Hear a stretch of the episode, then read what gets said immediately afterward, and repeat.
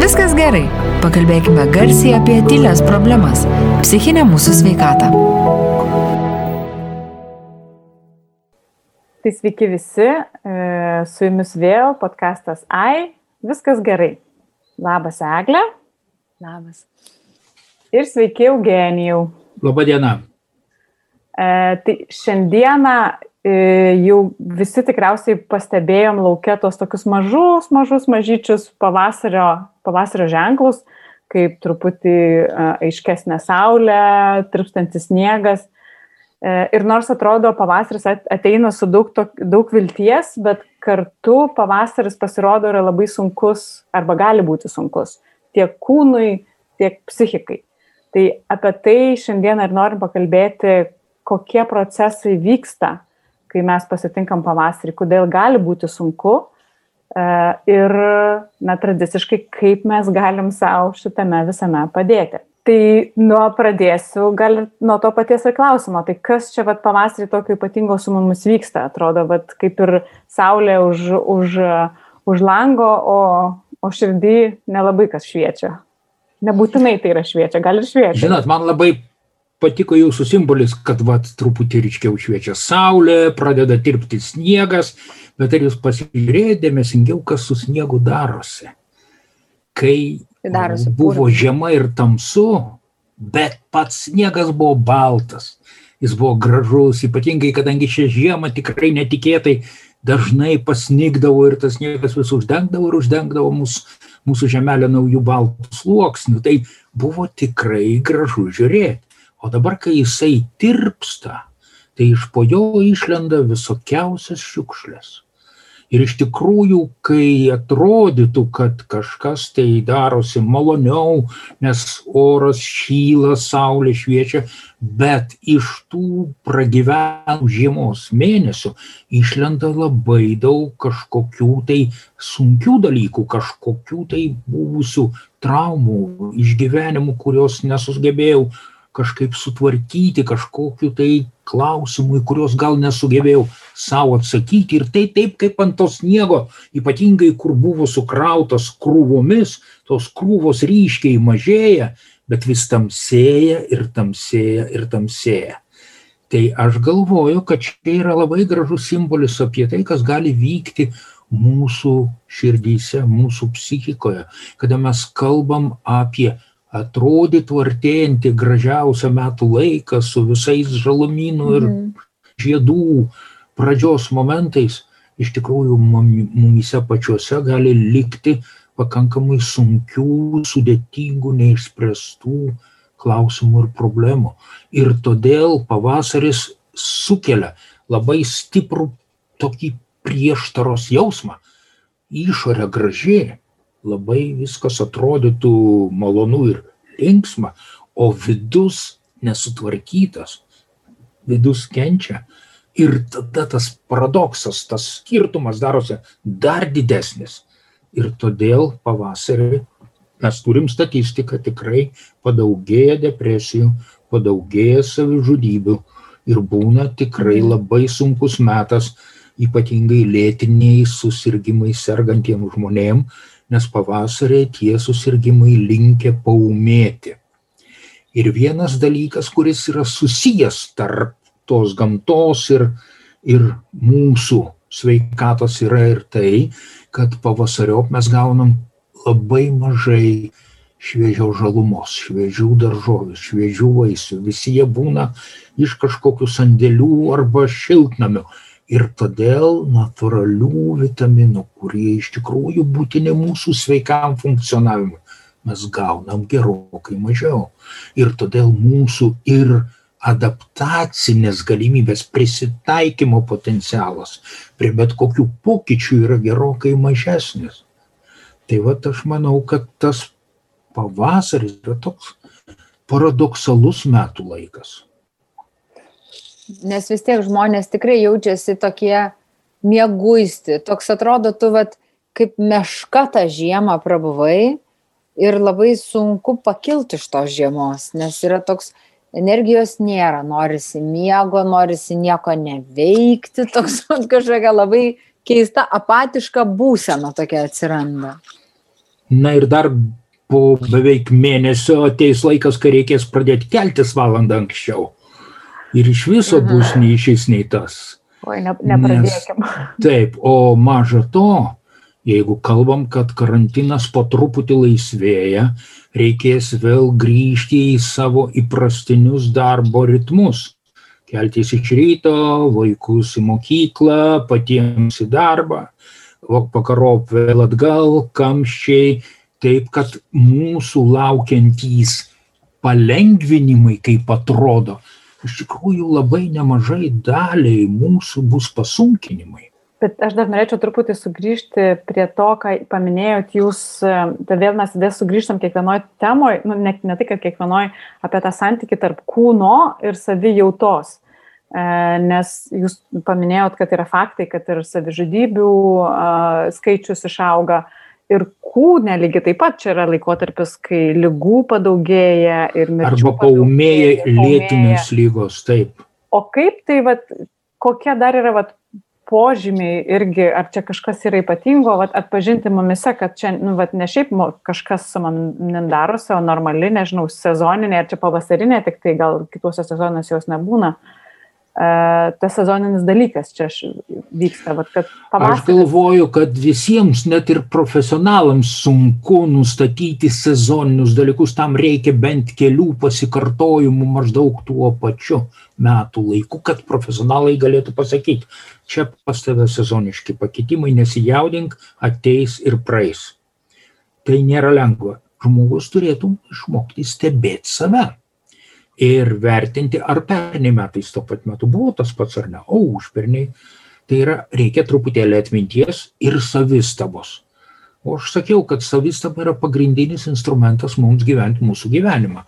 Todėl, kad visą laiką mes gyvendami turim žiūrėti, ką mano veiksmai atneša, kokį rezultatą. Ir lygiai taip pat, ką metų kaita atneša man, kaip organizmui, kaip žmogui, mano sielai ir tada aš galiu po truputį atsekti, kad tai yra man būdingi, bet nebaisus dalykėliai.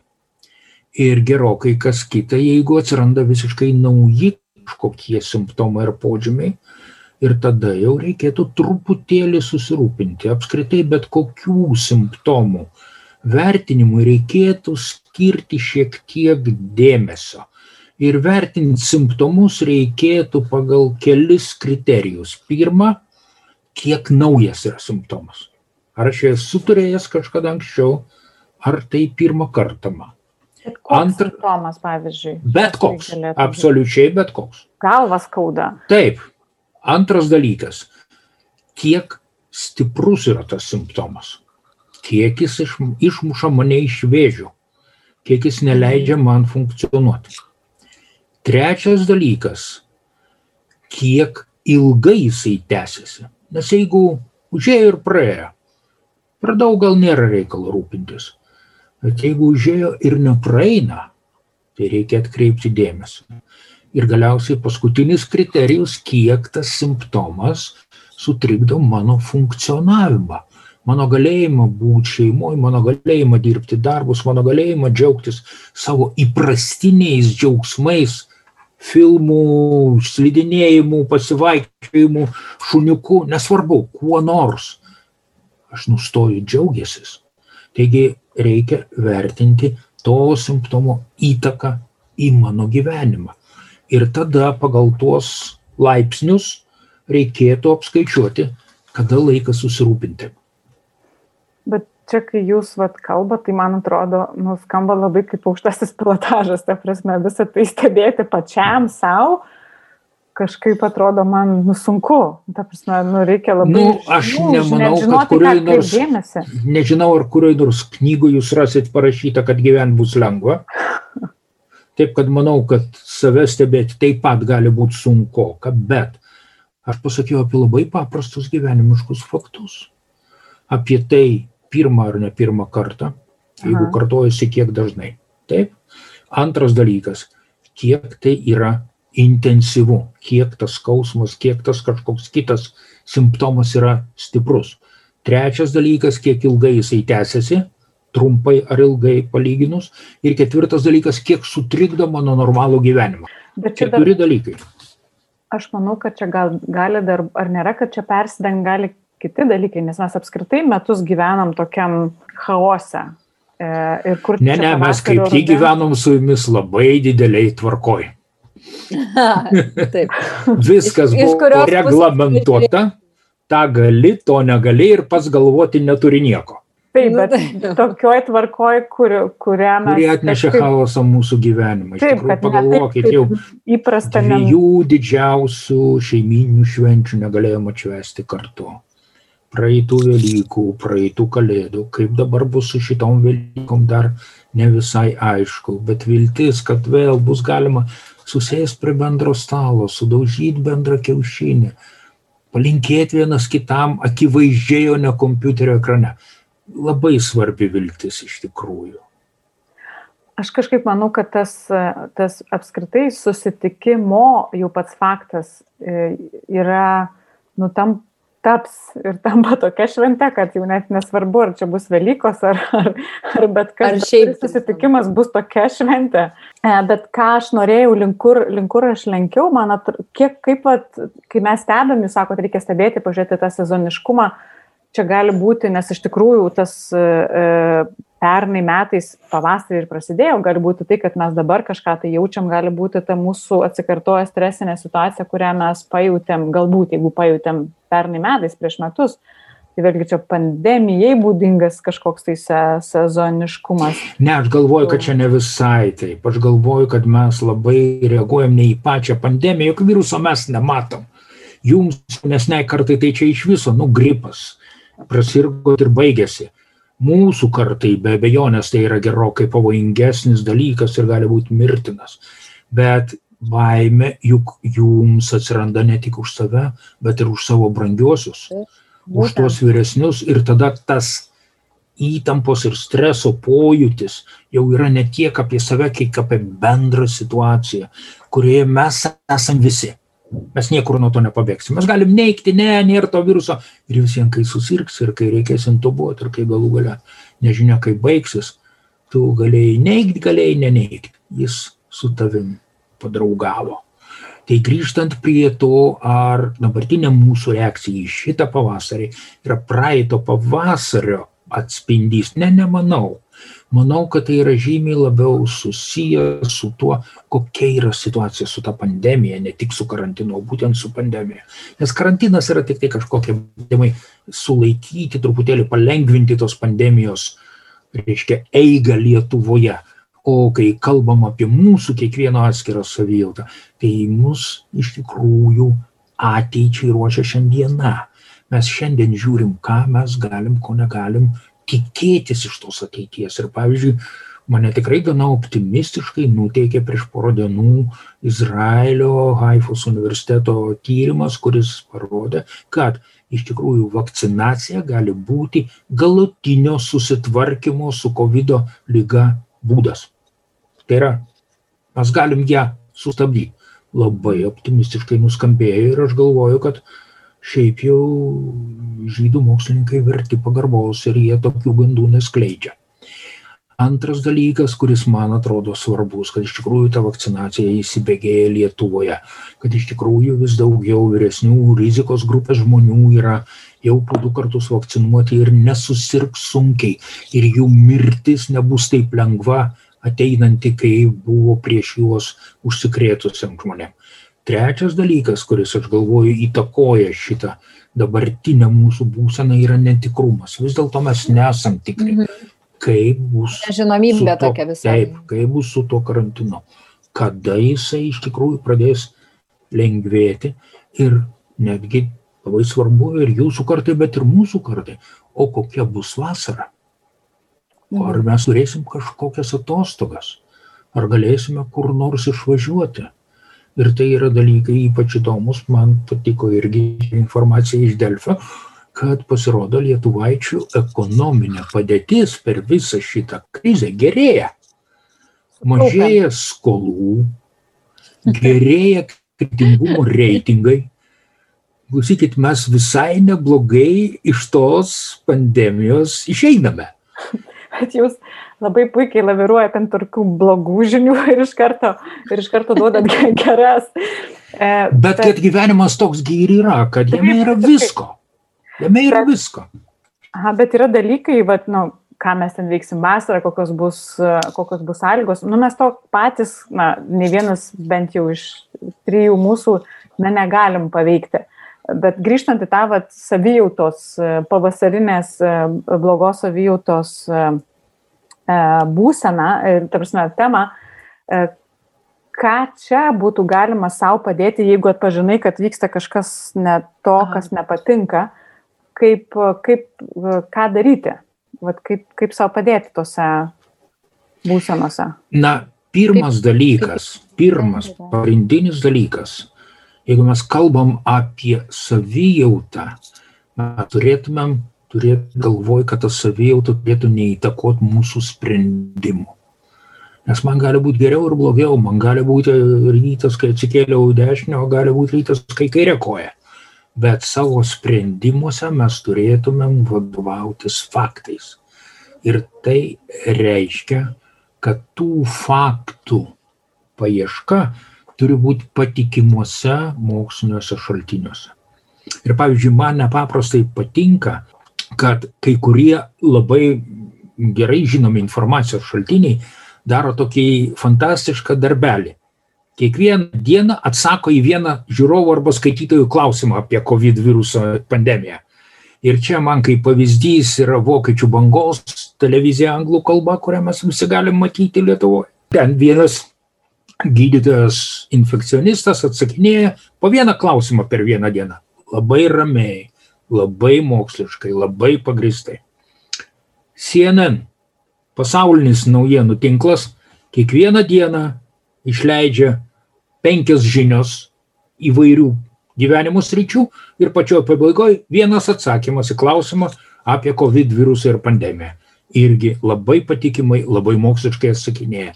Taigi mes turime susirasti informacijos šaltinius, kurie mūsų nerimui duoda galimybę gauti faktus. Nerimas atsiranda kur? Nerimas atsiranda, kur trūksta informacijos arba kur ta informacija dar papildomai gazdinanti. Tai va, aš mhm. galvoju, kad labai svarbu iš tikrųjų rasti patikimos informacijos. Tai viena. Antras svarbus dalykas - mokėti tvarkytis su savo dėmesiu. Nes kas įvyksta, kai mes pradedam nerimauti, mes pradedam ieškoti visur, kur tik galima būtų surasti kažkokios informacijos, kad nurimtumėm. Bet kai ieškom netvarkingai, tai surandam oi visokiausių nesąmonių. Internetas mhm. yra toks šiukšlynas, kad neduoktų Dievę. Aš jau neminėsiu pavardėmis, ką vien iš lietuvių blogerių galima surasti. Chaose ieškom, chaose randam. Tai čia... Taigi taip. Taigi taip. Ir jeigu mes grįžtam prie šito dėmesio valdymo, tai mes turim suprasti, kad visas pasaulis aplink mus yra tarsi informacinė erdvė. Ir iš tos informacijos kažkas išlenda arčiau manęs, o kažkas pasilieka kaip fonas. Tai yra figūros fono efektas. Ir štai mūsų sugebėjimas iš to fono iškelti tas figūras, tai yra ta informacija, kuri man padeda priimti sprendimus, padeda gyventi šitą gyvenimą, yra nepaprastai svarbu.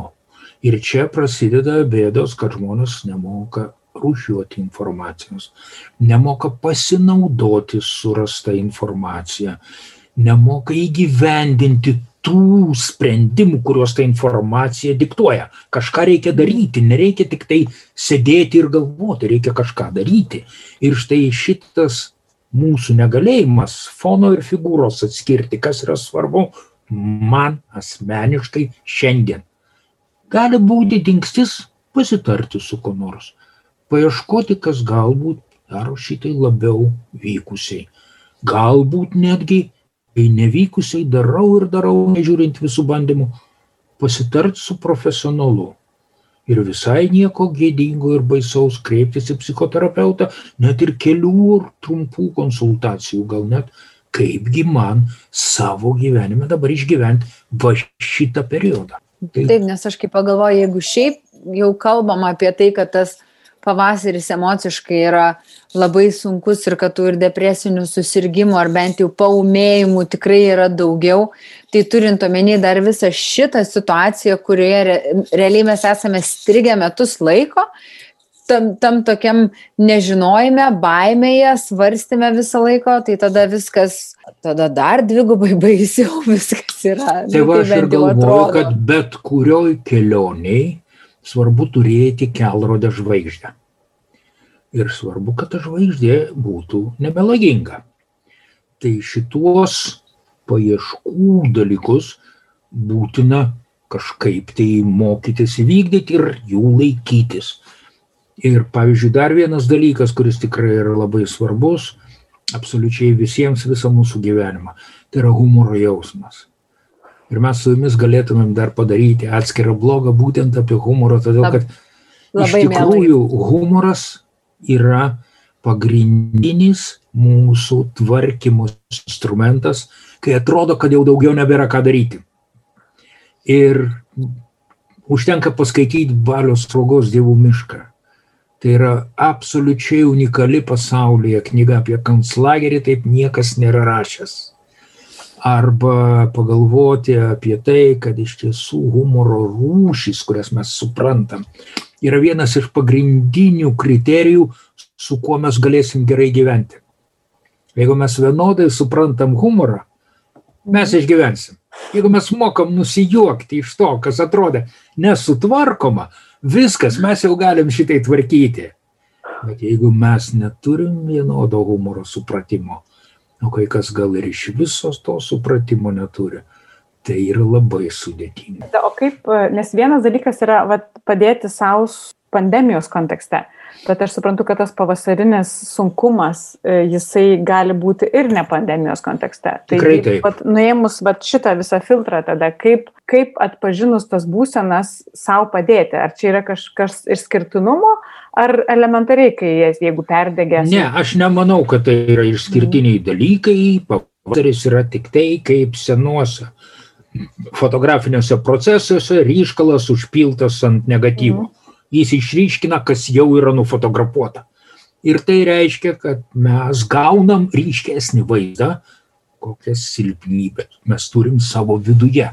Ir tai reiškia, kad galbūt jų to išryškinto vaizdo fone tikrai laikas kreiptis pas profesionalus ir paieškoti pagalbos. Mhm. Kad mes pač, patys ne viską galim padaryti ir nereikia bijoti. Deja, šitam pandemijos fone dabar su medicinos įstaigomis yra problema, todėl kad tikrai būtinai reikia iš anksto užsiregistruoti ir tikrai ne visus nori priimti, daug ką nori pagydyti telefonu, turim bėdų. Bet dažniausiai vis viena. Kažkaip, jeigu mums tikrai gerai, pas gydytoją reikia pasistengti patekti. Ir net jeigu jis pasakys, kad nieko baisaus nėra, tai bus labai svarbu. Man dar labai patiko jūsų ta analogija pačio pradžioje apie tirpstantį sniegą ir tos visus e, kakučius, kuriuos išlenda, kurie, kurie labai jau pasimato. Ir nu, tas pavasaris ir žiema yra tokios truputėlis nu, simbolikos, vat, kaip, kaip priim, kaip, ką daryti su jais. Realiai, vat, kai, jeigu pastebi, kad būtent tie vat, visi šiukšlelės tau neleidžia džiaugtis tuo ateinančiu, ateinančiu pavasariu ir, ir, ir jausti apskritai tą vat, viltį kažkokią tai, kuri ateina. Tai kaip, vat, kas čia su mumis išsivalyti? Nu, kaip tai, išsivalyti, ta prasme, kad... Tos kakučius. Jūs jau atsakėte, nes iš tikrųjų, pažiūrėkit, kas vyksta su to sniegu. Arba atvažiuoja miesto tarnybos ir jį tvarko, tai reiškia, kalbam apie formalią mediciną ir bandymą, kad kažkokie profesionalai tai darytų. Arba kaimynai susiorganizuoja ir patys viens, du su kastuvais ir viską sutvarko. Ir mes kalbam tada apie tai, kad ieškom savo resursų, kaip mes galėtumėm susitvarkyti su tom bedelėm, kurios išlindo. Ir čia patarimai, nu, paprasti kaip du kartu. Tik tai labai sunkiai įvykdomi turbūt prisimena tą aritmetinę auksinę taisyklę 24 yra 3 kart 8. 8 mhm. valandos miegui, 8 valandos darbui, 8 valandos gyvenimui. Nu, paprasta atrodo. Nu, kaip paprasta net žodis. Bet aš visiems sakau ir čia noriu tik tai pakartoti. Nuo to, kad jūs tai sužinojot, net ir dabar tik tai išgirdot, niekas nepasikeis. Niekas nepasikeis, jeigu jūs keisit. Aš visada sakiau, sakau ir sakysiu, viskas egzistuoja tik padarytame pavydale. O sumastytam, pasvajotam, pamiegotam, pasapnuotam, ne. Tai yra kaip debesėliai virš galvos karikatūros, žinot, su tekstu. Tokie. Ir viskas. Na, bet iš tikrųjų, tai ką aš girdžiu, kad nu, realiai konkretus labai pa patarimas yra, kad pavasarį reikia elementariausiai duoti savo daugiau užsimegoti. Vienas dalykas, kodėl daugiau? 8 valandos privalomos kiekvieną naktį. Mhm. Kiekvieną naktį, čia mokslas nustatė. Bet turiu meni gal daugiau atkreipti dėmesį į tai, ar aš išsimiegu negu vasarą. Tikrai taip. Reikia atkreipti dėmesį į įvairius hygieninius faktorius, ką aš su savim darau gerai, o ką darau blogai. Ir pavyzdžiui, iš tikrųjų nepaprastai svarbu nors kiek pajudėti, pavaikščioti, pasimankštinti, duoti savo kūnui krūvį, nes kūnas per žiemą aptingo ir tai jam yra signalas, kad yra kažkas pavojus aplinkui, dėl ko reikia saugotis ir nejudėti. O iš tikrųjų atvirkščiai ateina erdvė judesiui, džiaugsmui, laisvai ir reikia pradėti save judinti, reikia vėl mankštintis. Tai paprastas atrodytų dalykas, bet yra įrodyta, kad uh, fizinis krūvis yra vienas iš antidepresinių vaistų.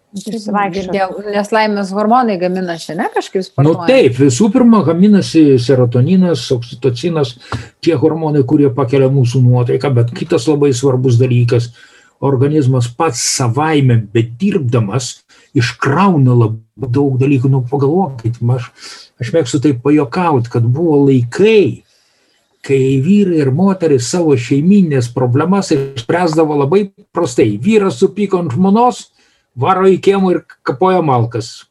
Žmona supyko ant vyro, čiumpo baltinį suraina žlugti žlugto. Išsikrauna fiziškai ir nebėr šitų. Arba lėkštas daužyk. Arba lėkštas. Ne, ne, ne, lėkštas išdaužimas čia jau labai tiesiog agresyvu. O išskalbti voną baltinių mano laikais, pavyzdžiui, mes neturėjom skalbimo mašinų ir todėl palutes jums, mergaitės ir berniukai, skalbdavom patys rankomis.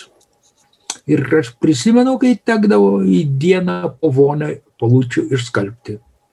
Pampersų tada. Ir lengviau, O tada lengviau į pavasarį žiemos perėti. Oi, tada nebuvo laiko žiūrėti žiemą pavasaris, tada tik tai, kad palūtės išdžiūtų.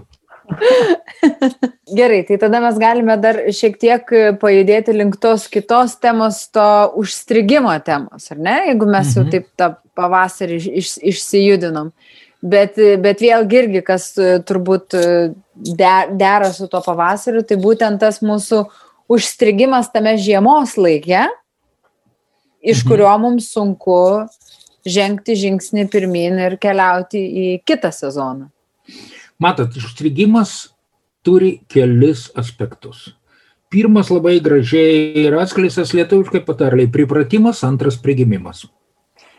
Ir mhm. tikrai, kai įprantu tinginiauti, nekelti savo didelių reikalavimų, į jokį pležą su jokių maudinuku eiti nereikia, o tai reiškia, kad galima ten ir lašinuką vieną kitą užsiauginti. Ir šitai veda prie to, kad priprantama prie kitokio gyvenimo būdo. Mes turim suprasti, kad šitam tiesioginį įtaką turi mūsų smegenys. Jos yra nepaprastai plastiškas organizmas. Nepaprastai plastiškas organas. Ta prasme, kad jų smegenų veikimas yra per susijungimus tarp nervų lastelių. Sinapsės. Mhm. Bet tos sinapsės laikosi susijungusios tik jeigu jos dirba, jeigu per jas eina signalai. Bet jeigu tie signalai neina, jos išsiskiria. Ir tada tas tinklas neuronų, kuris vykdė kažkokią funkciją ir kažkam tarnavo, nustoja tarnavęs. Išnyksta įgūdžiai. Pavyzdžiui, vienas iš dalykų, kurie su šituo karantinu tikrai bus labai nelengvi sutvarkyti išnykę vaikų ir paauglių socialiniai įgūdžiai. jie iš tikrųjų prarado tą savo kasdieninį bendravimą su bendramžiais, su mokytojais, su tam tikra socialinė sistema, kuri diktavo tam tikrus santykius, poelgius ir taip toliau. Ir to visko reiks mokytis iš naujo. Tas sinapses reikės atstatyti iš naujo. Tai nėra lengva. Lygiai tas pats yra su tuo žiemos miegu. Pamiegojau ir tas viskas nustoja buvę aktualu, o reiškia primiršta. Neužmiršta totaliai. Logiškai aš prisimenu. Bet va dabar kažkaip va, paimti ir pažiūrėti žmogui į akis ir, ir pamatyti jo veidą ir suvokti jo savijautą toj situacijai. Jau sunkiau. Jau gerokai sunkiau. Ir tai dalykai, kurie neišvengiamai vyksta, kai kažkurios mūsų smegenų dalis treniruojamos, o kai kurios atvirkščiai tarsi užmigdomos. Ir tam, kad jos atsibūstų ir vėl pradėtų veikti, reikia pastangų. Ir čia mes dabar grįžtam prie jūsų klausimo, tai kodėl vis dėlto tai būna sunku. Ogi todėl, kad reikia dirbti. Todėl, kad negalima tiesiog tikėtis, kad tai savaime atsistatys. Vat, tiesiog ims ir atsiras. Neatsiras. Mm. Tam reikia dėti sąmoningas pastangas. Ir tai labai daugelį per žiemą aptingusių žmonių atrodo visiškai nereikalinga arba labai sudėtinga. Ir todėl tas pereimas iš vienos būsenos ar savijautos ar periodo savo gyvenime į kitą yra sunkus. Yra leng, nėra lengvų pokyčių. Bet man, bet jūs dabar kalbate apie tą perimą iš žiemos į pavasarį ir man kažkaip atrodo, ar mes tikrai esam taip gyvenam pagal tuos laikus. Ar tikrai mes tą žiemą esam tokie jau aptingę, mėgantis, e, nes kažkaip atrodo, jeigu, va, aišku, čia kai stebi, galbūt pastebi, bet atrodo, nu, tu kaip esi užsisukęs, taip esi apsisukęs, yra tos atostogos vasara, kur pailsi, o visų kitus metus tu judiesi, tu nebūtinai tą sezoniškumą savyje atpažįsti. Ir... Matot, mes turim atskirti kelias mūsų egzistencijos plotmes. Mhm. Mes funkcionuojam savo darbiniai plotmiai, mes funkcionuojam savo šeiminiai plotmiai, mes funkcionuojam kažkaip savo socialinių ryšių draugų ir pažįstamų plotmiai. Ir juose tas pokytis, kurį atneša žiema, o ypač šita karantininė žiema, yra skirtingi darbas netgi iš namų kartais reikalauja kaip tik daugiau energijos negu buvimas savo darbovietėje ir ofise ir tada reikia ir mobilizuotis ir stengtis ir laiką suėda ir taip toliau. Šeiminiai santykiai veda prie labai įvairių pasiekmių, todėl kad tikrai žinom, kad ir agresijos šeimose padaugėjo ir skirybų padaugėjo, nes kai kurie žmonės įpratę gyventi savo gyvenimą kaip daugelį metų iš ryto atsikelia išeina į darbą, vakarė grįžta namo, kojos ant televizoriaus laikrosti ant galvos ir tai yra šeimos gyvenimas. Ir jie nematydavo nei savo vaikų su jų norais ir rūpeščiais, nei savo žmonos su jos liūdėsiu, nusivylimu ir maldaujančių žvilgsnių kažkiek jai padėti. Ir staiga visą dieną namie. Ir tą viską pradedi matyti. Ir tada tai, uh, uh, uh, jau matyti nebesinori ir prasideda agresija Ir kas yra liūdna, irgi duomenys rodo, kad lietuviai pradėjo vartoti alkoholį žymiai dažniau negu naudojo prieš karantiną. Ir tai yra net su tais, kurie nebuvo linkę tą alkoholį naudoti. Tai yra žmonės įsivaizduoja, kad alkoholis ištirpdo agresiją. Ir tai yra nesąmonė. Sužadina Alkoholis turbūt koncentruoja agresiją. Jis ją Mm. konservuoja ir palieka ilgam laikui. Ir galų galiai jinai sproksta. Žmogus pats pridaro visokiausių veiksmų, kurių iš savęs nesitikėjo. Taigi mes grįžkim prie to, kad šitas pokytis gali būti įvairiose lygiuose.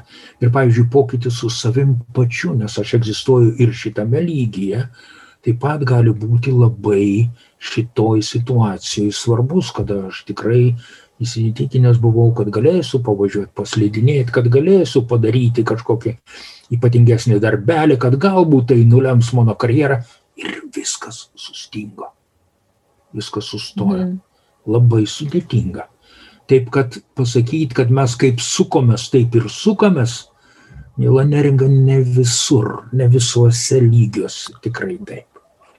Aš gal turėjau labiau menį ne karantino, o apskritai tą perimą iš žiemos į pavasarį, va, į tą momentą, kad... e, Bet žinot, nebūtinai- dabar visi labai vis dėlto paveikti esam šito karantino. Ir kiek jisai dar. Atsiriboti jau nebelabai mes tik- išeina. tur. Mm. Jo, be jo kažkaip tai priimti dabartinio pasaulio mums nevertėtų, nes viskas yra tik šiandien. Labai gražiai rytiečiai sako, vakar dienos jau nėra, rydienos dar nėra. Yra tik šiandiena. Ir kai mes gyvenam šiandieną, tik tada mes iš tikrųjų ir gyvenam. Nes pagalvokit, mesgi egzistuojam tik šią akimirką. Mm. O kaip išmokti gyventi šią dieną? Lengvai papasakot, aš tokius lengvus Aha, taip pat žaismingai jums papasakoti šešių tūkstančių metų Indijos jogų paslaptis. Jo. Bet, bet vat jums, dabar, vat, kas jums atsakymo. padeda gyventi šią dieną? Vat kas, ką jums reiškia gyvenimas šią dieną? Visų pirma, aš esu čia, kur esu. Aš dabar esu su jumis, aš kalbu apie tai, apie ką mes šnekam ir nieko kito mano makauliai nėra. Yra tik šitie dalykai, kas vyksta dabar. Ir iš tikrųjų, kas dar prisideda kars nuo karto, aš pasijuntu, kad noriu atsigerti, pasikeliu savo limonadą, reiškia. Atsigeriu ir tai vis vien apie mano šiandieninę savijautą. Ir mes turim puikiai suvokti, kad šiandien mes galim padaryti tik tai, ką galim padaryti šiandien. Ir todėl galvoti apie rydieną, o to labiau apie vakar dieną, kur jau vyko ir kurios pakeisti neįmanoma visiškai. Nieko, praeities mes niekaip nepakeisim. Ir sėdėti tenai toj praeitį, tai yra didžiulė bėda. Didžiulė. Ir tikrai turiu labai nemažai pacientų, kuriems iš tos praeities atkeliavę prisiminimai, kaip inkaras laiko juos tuose jausmuose, tuose išgyvenimuose ir neleidžia pradėti ištraukus inkaro plaukti pavėjui kažkur tai į gražias egzotiškas salas. Ir vėl mes grįžom turbūt ne kiekvien- miego su, su, su šiukšlėm. Ką Eglė norėjo? Ne, nu, aš, ties, aš tiesiog buvau, bet juk ne, ne, ne kiekvienas supranta, kas tas inkaras yra. Čia dar reikia turbūt didelio darbo, kad tu suvoktum, kur tas tavo inkaras, kurį net pakėlus nelabai gali plaukti. Be abejonės ir turbūt pagrindinis dalykas yra suvokti, kad inkaras laive krenta žemyn. Tai yra į dugną. O kas yra mūsų dugnas? Tai yra mūsų praeitį gautos žinios, įgūdžiai, jausmai, patirtis, kur yra tarsi tai, iš ko paskui viskas vystėsi.